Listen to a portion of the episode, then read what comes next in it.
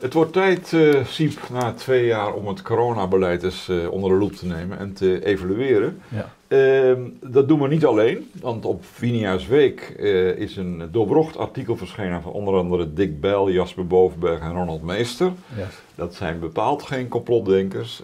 Dick Bell is een, een oud huisarts, epidemioloog, oud hoofdredacteur van het Geneesmiddelenbulletin. Dus dat zijn mensen die er goed over nagedacht hebben. Uh, de kop van het artikel, het is hoog tijd dat het kabinet het coronabeleid herziet. Als ik nou met jou ook eens even met die conclusie mag beginnen. Hè? En jij kijkt met dit artikel in de hand na twee jaar beleid. Wat is dan je karakterisering? Als ik het heel kort samenvat, komt erop neer dat ze in het begin met de boot een beetje afhield. Helemaal in het begin, dus januari 2020. Uh, toen, toen zei de toenmalige minister van coronabeleid, die nog niet zo heette... Uh, Martin, hoe ik weer? Bruins. Martin Bruins. Uh, die zei, Nederland is helemaal goed voorbereid, er is niks aan de hand. Op 9 februari is er nog een vliegtuig vanuit Nederland met beschermingsmiddelen en weet ik veel wat naar China gegaan. En dat geeft wel aan dat wij dachten dat China een probleem had en wij dat ja, nooit ja. zouden krijgen. En dat heeft daarna, hebben we alle mogelijke moeite gedaan om vliegtuigen uit China aan onze kant op te mm. krijgen toen in maart, dus twee, na, na, twee maanden ruwweg gesproken, kregen we natuurlijk dat de dingen dichtgingen en zo. Uh, maar ook toen hadden wij een intelligente lockdown, heet het. Dus we moesten niet zo dol zijn en niet uh, dat de mensen de straat niet op mochten, zoals in Italië. Dus dat was een soort downplay en dat hoeft allemaal niet. En mondkapjes hoeft allemaal niet. Zo begon het in Nederland. Maar nu, twee jaar later, krijg je het idee dat het kabinet er niet van af wil. En de kabinet en de omringende percelen, zoals het OMT, dat hadden we twee jaar geleden ook nog niet, een OMT. Of tenminste, niet dat mhm. ik weet.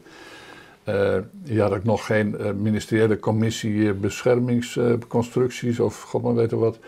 Uh, maar het lijkt net alsof ze in Den Haag, als in het katshuis, of ze het kabinet met, om, met, met omtrekkende percelen, ze eigenlijk niet af willen van corona. Althans, ze willen niet af van coronamaatregelen. Mm en dus eerst uh, hadden we, moest het kabinet als het ware worden aangezet tot doeltreffend optreden. En nu gaandeweg moet het kabinet aangezet worden uh, om het een tandje lager te zetten. En te zeggen van ja, waarom moeten we de, hele samenleving, zowel de economie, maar ook de volksgezondheid in het algemeen, uh, volledig worden opgeofferd, dus aan een coronabeleid waarvan je afvraagt of dat nog effectief is, of het nog wenselijk is en of het niet schadelijker is dan wat het opbrengt. Wat mij opvalt uh, aan de kritiek van uh, Dick Bijl en consorten ja. op Winia's Week, is dat hun verhaal eigenlijk. Die hadden in het begin best wel moeite om die kritiek uh, bij het grote publiek te krijgen. Maar ja. dat dat steeds dichter bij elkaar komt. Hè? De publieke discussie en de critici van het eerste uur. Zeker. En je ziet dat, om maar even een, een jump into conclusions te plegen. Je ziet het ook aan de populariteitscijfers van het kabinet. En zeker van premier Rutte. Dus twee jaar geleden bij toen, de eerste maatregelen werden afgekondigd en Rutte het volk toesprak. Uh, hij is nog nooit populairder geweest dan toen. En je ziet nu, twee jaar later, hij is nog nooit zo impopulair. Althans, het kabinet. De cijfers van hemzelf heb ik niet gezien. Maar wat we wel zien is dat de VVD nog nooit zo laag heeft gezien te staan als in jaren. Uh, en dat uh, de, de populariteit van de maatregelen, dat weten we uit andere enquêtes, dat die sterk afneemt. De bereidheid om je te, weer te laten vaccineren, dus die laatste boosterprik, die, dat gaat geloof ik maar de helft of zoiets. Uh, is daar nog bereid om daarheen te gaan. Uh, ik, ik, niet dat ik dat afraad om die prik te nemen. Ik, heb, ik ga onmiddellijk al die prikken nemen, daar gaat het niet om. Maar je vraagt je wel af, is de gretigheid om het beleid voor te zetten niet groter dan de doelmatigheid? Maar dat is toch wel boeiend, want je hebt het over Rutte, dat is een volbloed liberaal, zoals hij zichzelf noemt. Ja. Wat zou... Nou ja, nou ja, daar is hij zelf iets enthousiaster over dan Sorry, ik lok nu een heleboel dingen uit die ik niet wil uitlokken, maar dat ga ik, gaan we niet doen. Nee, maar dat, dat een liberaal dus, dus ja, niet vanuit een soort complotgedachte, maar vanuit een soort uh, verslaving aan het beleid onze vrijheden wil beknotten. Dat, dat klinkt niet heel logisch. Nee, nou is, uh, nou is Rutte niet heel erg ideologie vast, zal ik maar zeggen. Dus hij is, uh, om het lelijk te zeggen, een opportunist. Hij is eh, erg goed in het vasthouden van de macht. Het verkrijgen van de macht en het vasthouden van de macht. En uh, uit alles blijkt, ook in publicaties, onder meer bij ons, uh, maar ook uit de twee biografietjes die over, biografieën die over hem verschenen zijn, kun je zeggen dat hij niet heel vast is van route en richting. Het is meer van hoe kom ik dit door, hoe hou ik de macht. Dus hoe verkrijg ik de macht en hoe hou ik de macht. En als ik onder, ondertussen mijn partij kwijtraak, of al mijn vertrouwelingen. Dat, dus hij verliest ook al ministers. Hè. Dus als je kijkt wie er nu om Rutte heen zit, ja, uh, daar zit niemand meer bij die vijf jaar geleden ook bij hem zat. Laat staan dat er iemand nog bij. Dus het opportunisme, of aardiger gezegd het pragmatisme, dat is eerder leidende Mark Rutte dan het liberalisme, een stellige okay. overtuiging. En dat laat zich trouwens eenvoudig illustreren. Als je trouwens kijkt naar de onvastheid van Rutte zijn lijn, dan kun je dat ook illustreren door het het, de grote lijnen van het kabinetsbeleid. Dus tien jaar geleden was, stond voorop dat de overheidsfinanciën uh, totaal schoon moesten zijn. Een begrotingsoverschot en ja. zeker niet onder de 3%. En nu zijn we tien jaar verder en nu maakt het niet meer uit waar het geld heen gaat. Want het uh, geld kost niks en laten we het overal mm. spenderen. Eerst spenderen we dat aan, het, aan, aan bedrijven die de corona anders niet doorkomen. En vervolgens spenderen we het aan het klimaatbeleid en het stikstofbeleid. En dan gaan we het gigantisch bedrag. Dus is dat ook, als ik je mag onderbreken, de reden dat hij misschien zo verslaafd is? Dat, dat je die burgerlijke vrijheden dus kan afkopen met overheidssteun. Want dat is natuurlijk wat niemand had kunnen voorspellen. Dat we, ondanks het feit dat er 100 miljard naar al die bedrijven is gegaan, dat de staatsschuld nog steeds uh, redelijk beheersbaar is, et cetera, door de lage rente. Ja. Maar dat je dus. Nou ja, en, en, en, omdat de economie niet in zou gaan. Kijk, nee. de, de, staatsschuld wordt uitgerekend, dat moeten we misschien niet altijd technisch maken, maar het is een nummer en tellen ja, en noemer effect. Dus als, van het BBP, hè? Ja. Precies, dus als de staatsschuld uh, uh, en het begrotingstekort, wat vaak nog belangrijker wordt gevonden, wordt uitgerekend als percentage van de economie, van het BBP dan is er ook van belang hoe groot het BBP is.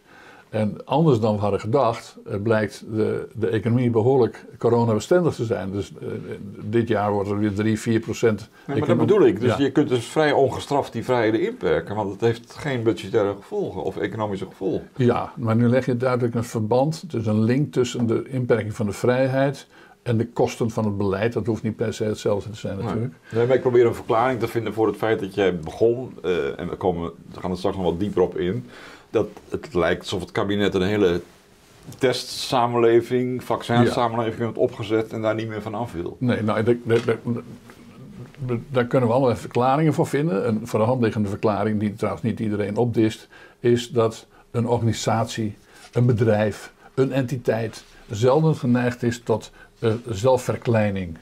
Dus de collectieve sector wil altijd meer van zichzelf. Iedere bureaucratie wil meer. Dat zie je op een afdeling bij, bij de publieke omroep waar je gewerkt hebt. Er was ook nooit een afdeling bij de NOS die kleiner wilde worden. Dus alles wil altijd groter. En dus de collectieve sector die geeft heel moeilijk, ook de collectieve sector, dus ook de overheid, ook ministeries, ook het ministerie van Volksgezondheid, uh, geeft niet graag uh, bevoegdheden en terreinen en, en, bedragen op. Die gaat liever door met uitbreiden en vergroten. Uh, dan hebben we ook nog de geweldige invloed van het OMT, van de, van de specialistensector. Want het OMT, dat is de, het belangrijkste adviesorgaan. Aan het begin heette dat zelfs de wetenschap te zijn. We weten nu dat de wetenschap de ene week dat kan vinden en de volgende week dat. Als we tenminste het OMT als uitgangspunt nemen. Maar goed, het OMT is dus een vergaarplaats, vooral van medisch specialisten. Mensen die ook uh, topfuncties hebben uh, in staffuncties of topfuncties in de ziekenhuizen. En ja, die hebben natuurlijk een geweldige positie vergaard de afgelopen jaren. een onevenredige positie, waarbij ook andere belangen in de samenleving, de geestelijke volksgezondheid, maar ook gewoon economische aspecten veel te weinig naar voren zijn gekomen. Ja, want Dick Bijl constateert in het artikel op jouw website dat, dat met name ook de relatie OMT, ministerie, politiek, farmaceutische industrie heel erg vervlochten is. Ja. Hè? Alsof die industrie een soort publiek belang dient voor ons en ja. een soort waardevrije anticapitalistische instelling is. Zo is het. Uh, en dat, die neiging bestond misschien altijd al want veel van die specialisten die hebben ook weer baantjes, wat adviesrollen bij uh, in de farma-industrie. Bolkestein zat vroeger bij de MSD in de advies. Dat is waar. dan kun je ja. Bolkestein veel verwijten, maar niet dat hij medicus is. nee, maar goed, het was toen al vervlochten. Zeker, maar ook medisch specialisten, uh, dus en, medisch biologen. die zitten gewoon in de industrie. Ja. Of, of, hebben daar verbanden mee. Of hun, hun beste collega, vriend zit, is ermee verbonden. Ja, als je dat niet inperkt, in een land als Nederland hebben we niet een hele goede traditie op het punt van het inperken van belangenverstrengeling, kan ik je meedelen. Uh, dat wist je zelf ook al. Dus uh, als je al een, een, bestuurscultuur in Nederland hebt waarbij belangenverstrengeling eigenlijk voortdurend wordt gedoogd, ja, geef dan deze partijen de vrije hand in zo'n coronacrisis. Dus de coronacrisis heeft veel verliezers, de overledenen, de, de, de, de familieleden, de hele bedrijfstakken. Maar de coronacrisis heeft ook overwinnaars. De coronacrisis heeft een winnaar in, in de farma-industrie, die een geweldige quasi-monopoliepositie, zeker een oligopolenpositie hebben verworven. Uh, die heeft een overwinnaar in uh, de hele bedrijfstak rond het, ministerie van Volksgezondheid. Uh, ik bedoel, vijf jaar geleden speelde de minister van Volksgezondheid niet zo'n geweldige rol. Maar het is, er zitten nu geloof ik twee of drie ministers en nog een enkele staatssecretaris. Nou, in ieder geval, het is een hele bel geworden. Overigens, coronacrisis verslijt wel bewindslieden. Ja, ja, zoals ja, we zeker. Ja. Zo simpel is het ook weer niet. Uh, dus we hebben inmiddels vijf, geloof ik, vijf coronaministers op een of andere manier gehad. En Tamara van Ark hebben we echt al maanden niks meer van gehoord. Uh, dat kan er gewoon ook een reguliere medische reden hebben, dat weten we niet. Maar feit is dat het zo is. Maar in ieder geval, breng een bureaucratie die succesvol, waar veel geld in omgaat. als gevolg in dit geval van deze pandemie, breng die maar eens op een natuurlijke wijze terug die sector heeft niet die neiging om dat te doen. Ja, maar je en, kan en, toch... en, Mark Rutte is een soort facilitator van zulke processen. Ja, maar je zegt zelf net al tien minuten geleden, ik ben een van de eerste die het vaccin uh, rennend... Uh, Omdat ik een brave burger ben. Ja, maar ik bedoel, dat geeft wel aan dat de vaccins heel lang als oplossing werden gezien. En dan kan je toch moeilijk de industrie kwalijk nemen dat ze dat massaal produceren. Nee, je kunt de industrie sowieso niet kwalijk nemen dat ze lobbyen, dat ze proberen macht en invloed te vergaren. En zij hebben ook al die onderzoeksgelden erin gestoken met behulp van de overheid. Maar er, werd, er is ook wel eens gezegd, laat de overheid het zelf doen. Dat kan niet. Nee, maar kijk, ook al heeft de farmaceutische industrie geweldige verdiensten. Uh, het hebben van verdiensten geeft niet het recht om uh, vervolgens de, de, een stuk van de democratie over te nemen. Maar hoe, hoe bepalen zij het beleid dan in de praktijk? Uh, kun je, is nou ja, in het begin hebben ze natuurlijk kunnen beïnvloeden, de farmaceutische industrie en de wereldwijde industrie, maar uiteindelijk maar een paar aanbieders natuurlijk. Ja, vier, ja. Ja, zoiets. en die hebben het gewoon gebruik kunnen maken van hun schaarste positie. Als jij als Ja, ja. enige iets in een aanbieding hebt en een ander niet, eh, dan ben je afhankelijk. En als er maar een paar aanbieders zijn, gaat, gaat de prijs omhoog, de voorwaarden gaan omhoog. Eh, misschien kun, in theorie kun je ook, eh, want het gaat niet alleen om de prijs natuurlijk, en ook zeggen we ja, dan moet je meteen ook de, de volgende booster moet je ook van ons afnemen. Ik zeg maar iets dat helemaal niet waar hoeft te zijn, maar om aan te geven, je kunt de, de, de voorwaarden bedingen.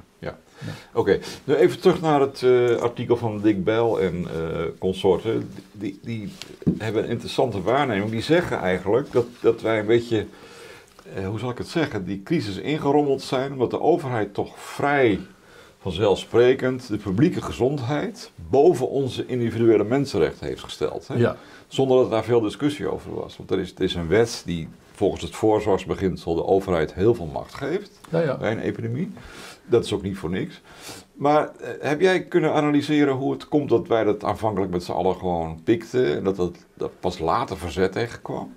Ja, eh, omdat het goede doen, dat is zeker in een moralistische samenleving zoals eh, de Nederlandse, de West-Europese.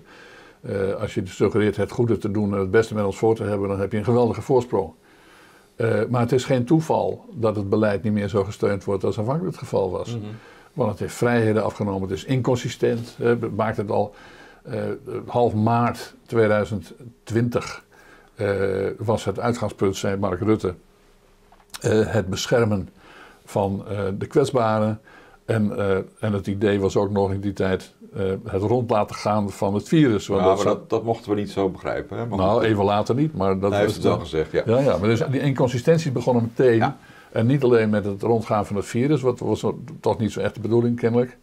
Eh, terwijl het nu wel min of meer zo gaat. Maar Bij is, Omicron is dat oplossing, maar goed. ja, dat zo te zien wel. Ja. Eh, en wat buitengewoon treurig was, is natuurlijk dat in het begin meteen werd gezegd eh, dat de kwetsbaren, dat was een hoofddoelstelling, het beschermen van de kwetsbaren. En wat we in Nederland hebben gezien, en soms elders ook, is dat dat absoluut niet gebeurde. Hè. Dus, dus er waren meteen binnen een paar weken duizenden doden in de verpleeghuizen. En eh, patiënten die aan, toevertrouwd waren aan de thuiszorg. Maar ik heb toen, als ik je mag onderbreken, Ja. in die tijd al binnen het CDA, na een paar maanden, want er zit natuurlijk ook een groot deel van hun achterban in die verpleeghuizen, die spraken daar schande van, van het beleid. Maar die durfden dat niet te zeggen in het parlement of in de gremia van hun partij. Dat was, het was ook een soort deken van, ja, we gaan nu niet kritiek op de regering Nee, maar dat hadden we natuurlijk ook in de media. De Ja. hoofddirecteur van de Volkskrant die zei op de radio al na een week... nee, we gaan nu even niet het kabinet kritisch... eh, Nou, dat Pieter Klok bedoel je, hè? maar dat, Zeker. dat heeft hij later genuanceerd. Maar Nee, nee, maar nee, Nee, hij zei toen wel, en we proberen de sfeer van dat moment terug te halen. Ja, ja. En, dan, en de sfeer van dat moment was het evident dat eh, ook in media, getuigen ook die uitlatingen van Pieter Klok, dat idee bestond, we moeten nu met z'n allen schouder aan schouder en weet ik veel wat, waarmee eh, de, een geweldige boost, om dat woord ook te gebruiken, werd gegeven aan de positie van het kabinet Ja. en zeker ook aan Mark Rutte. Eh, dat was van, niet ook mensen die, die nog nooit op, op hem zouden stemmen. Die hadden het idee van ja, we- we moeten nu met z'n allen te weer staan tegen het vreselijke coronavirus. Eh, dus laten we maar bijna een mandaat geven Ja. aan het kabinet. Ja. En, eh, en de angst in de Tweede Kamer, die is, in, die is in feite nog vrij groot gebleven de afgelopen twee jaar, is om geen. eh, Is om, om, laten we zeggen, fundamentele kritiek te hebben op het kabinetsbeleid, terwijl daar best reden voor was. Eh, al was het maar omdat het inconsistent is. Dus waarom zou je iets moeten, moeten steunen dat je gisteren niet steunt? Dat je, laten we zeggen, als het veranderd beleid is, dan hoef je dat dan niet te blijven steunen per se. Hè, dus een klein voorbeeld, maar een aansprekend voorbeeld, is dat aanvankelijk het mondkapje voor burgers. eh, dus in- zelfs in verpleeghuizen hadden ze geen mondkapje, geen medisch mondkapje. Dat hebben we allemaal meegemaakt en werd goed gepraat. Ja. Schandalig. De parlementaire, ja. de parlementaire enquête gaat daar, eh, gaat daar Ja. was van, van draaien, kan ik je meedelen. Eh, en daar niet alleen van. Maar dat mondkapje voor burgers, dus waarvan vaak ook getwijfeld wordt hoe werkzaam dat is. Maar dat werd eh, een paar maanden later, of even later, notabene verplicht gesteld. Aanvankelijk alleen eh, in het openbaar vervoer. Eh, ja, dus er zit zoveel inconsistenties in dat je onlogische dingen, dingen die je gisteren niet vond, vind je vandaag wel en andersom. Nou ja, een ander voorbeeld is ventilatie. De aerosolen van Maurice de Hond. Ja. Daar heeft hij al sinds mei 2020 voor gepleit. Dat het Ja. via die kleine druppels komt. En dat je dus scholen, als je die ventileert, dat je een hoop voorkomt. precies. Nou, en dan is allerlei geld naar scholen gegaan. Ja. Twee derde moeten dan de gemeentes betalen, dus dat gebeurt niet. Dus Nee. er zitten nog steeds heel veel scholen in de winter met de ramen open. Ja, zeker. Eh, terwijl er niks gebeurd is. En terwijl Rutte wel op een gegeven moment heeft gezegd: ik ga dat ventilatie-icoontje bij die drie andere icoontjes Ja, voegen. Ja. Eh, dus eh, er zijn tal Terwijl het voor- kabinet, maar goed, dat is natuurlijk een, een- vaak een fa- overheidsfalen, dat men denkt dat met het uittrekken van bedragen helpt. Dat is lang niet altijd- Sorry, hoe bedoel je? Dat het uittrekken van geld, Ja. dat dat, dat, dat, Ja, ja, ja, ja. dat, dat meteen eh, de soelaas biedt. Ja. Terwijl we weten dat het blijft ergens anders hangen, of het gaat naar, de, naar, de, naar, de, naar het pensioenfonds van, het, van een onderwijsinstelling of naar de, de algemene service. Dus, de, dus dat is inderdaad een nieuw thema. Of, ten eerste draait het beleid, zoals ik net zei.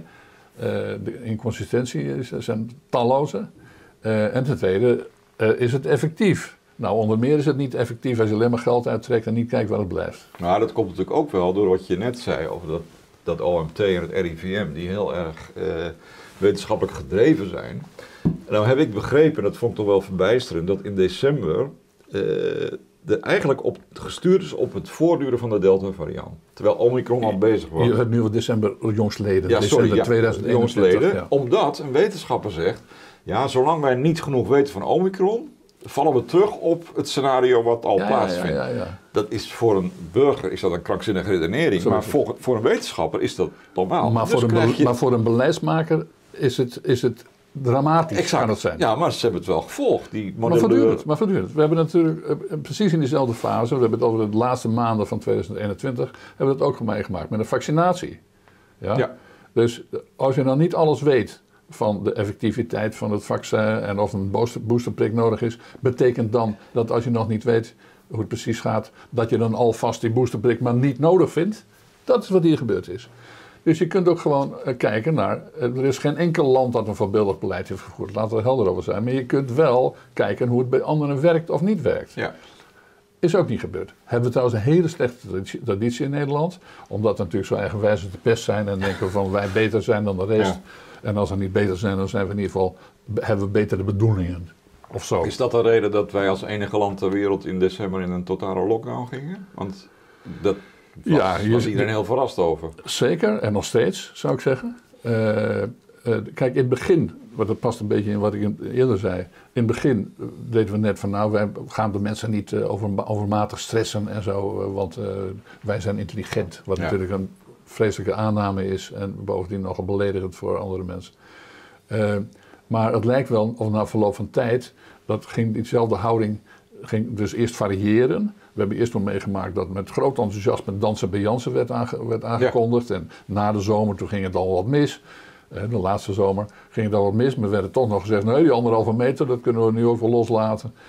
Om dan vervolgens binnen een paar weken er steeds weer op terug te komen. Dus de hollen, het hollen en stilstaan is beslist een kenmerk van het Nederlandse coronabeleid. Ja, maar is dat niet inherent aan het feit dat die virussen muteren en ons steeds weer voor verrassingen stellen? Dat het ene virus mm, weer. Ik denk het niet. Ik denk dat het meer zegt van de, van de, de, de, de, de, de, de, de onvastheid van de bestuurder, van de, van de, uh, van de overheid. Ja, het grappige is dat, dat uh, ik, ik las een studie over Denemarken en, en dat wordt wel een beetje als voorbeeld gesteld van een land wat het redelijk gedaan heeft. Mm -hmm.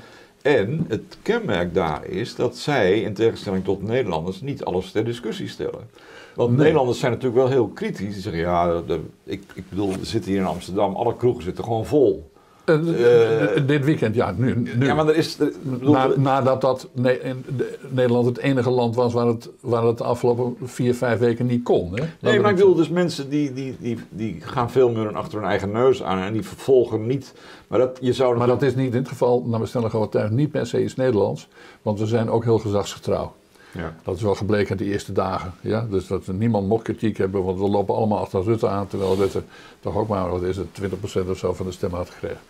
Dus, uh, maar je ziet dat niet als een oorzaak dat wij uiteindelijk toch anarchistischer zijn dan andere landen? Nee, ik denk dat, dat we nu gaandeweg kritischer zijn, omdat we zien dat uh, dat het kabinet zelf niet geloofwaardig is. Okay. Het beleid is of niet effectief, of het is strijdig met, met de eerder ingenomen uitgangspunten. Ja, dat mensen daar boos over worden, daar heb ik alle begrip voor. In Denemarken, voor zover ik het kan overzien, en ik ken het land ook een klein beetje, uh, hebben ze niet van tevoren geroepen van mondkapjes zijn niet nodig. Nee, toen ze ja, die waren, hadden een heldere lijn, hè? Heldere lijn. Als er harde maatregelen nodig zijn, dan gaan we niet minder hard dan harde maatregelen. Maar als het kan, laten we het ook los. Uh, dat is ruwweg wat ik nu uit mijn hoofd even uh, do, op. Dus in ieder geval, uh, ik heb in Denemarken heb ik van weinig kritiek gehoord. Omdat zij behoorlijk consistent beleid hadden. Ook een hoge vaccinatiegraad overigens. Maar... Nou ja, maar dat helpt toch allemaal? Ja, ja, zeker. En, de, en, een lage vaccinatiegraad is niet alleen maar een natuurverschijnsel. Maar dat zegt ook iets over de effectiviteit waarmee je de bevolking kunt toespreken. Ja. Als we even teruggaan naar het uh, artikel op, op, uh, op jouw site van ja. uh, Bovenberg, Bijl en Meester. Ja. Wat bevelen zij dan aan voor de toekomst? Behalve dan dat je misschien in het OMT andere geluiden moet laten horen, dat weten we nou wel. Maar hoe... Wat trouwens nog steeds niet gebeurt. Of nee, dat verbaast mij ook. Dat, soms zit je naar op één te kijken of een talkshow. Dan denk je, hé, wacht even.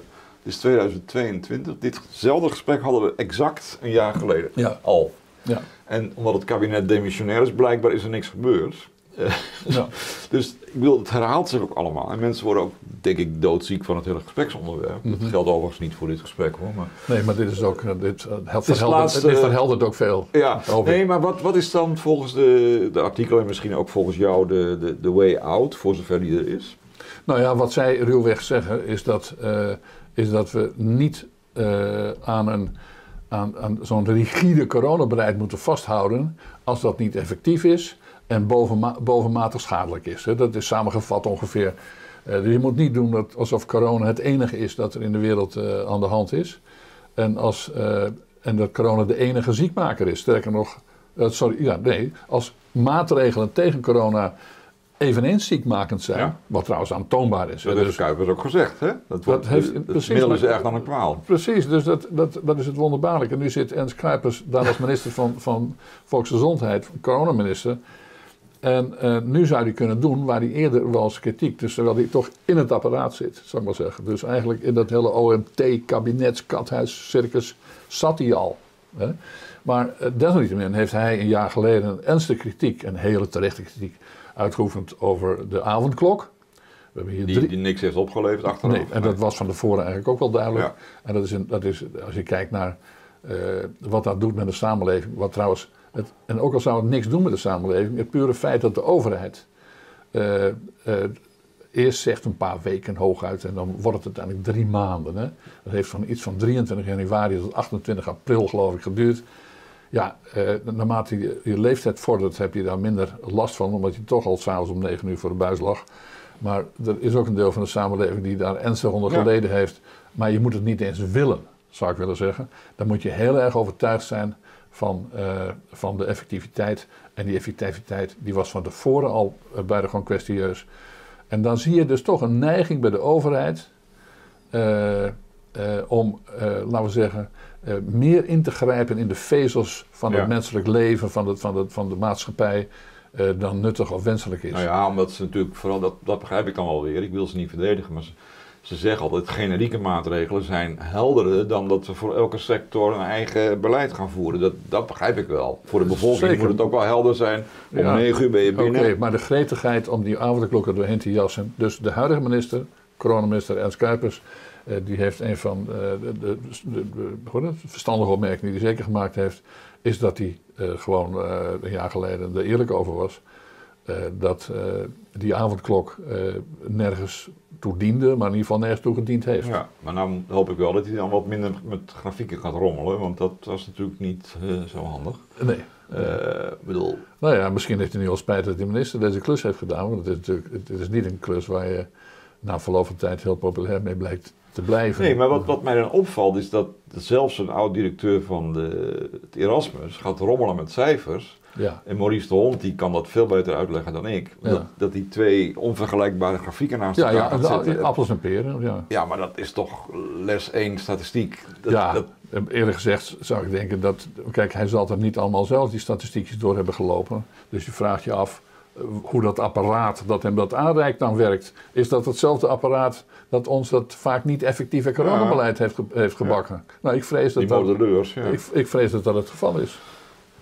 Ja, dus, dus, als je, je vraagt naar het uh, stuk van Dick Bell, CS, uh, die zegt natuurlijk al wat langer uh, dat, dat corona niet het allesbeheersende, dat het, bepalende beleidsaspect dient te mm. zijn. En dat je ook naar andere naar schadelijke uitwerkingen en weet ik wat moet kijken. Daar hebben ze groot gelijk in en dan krijgen ze steeds meer gelijk in.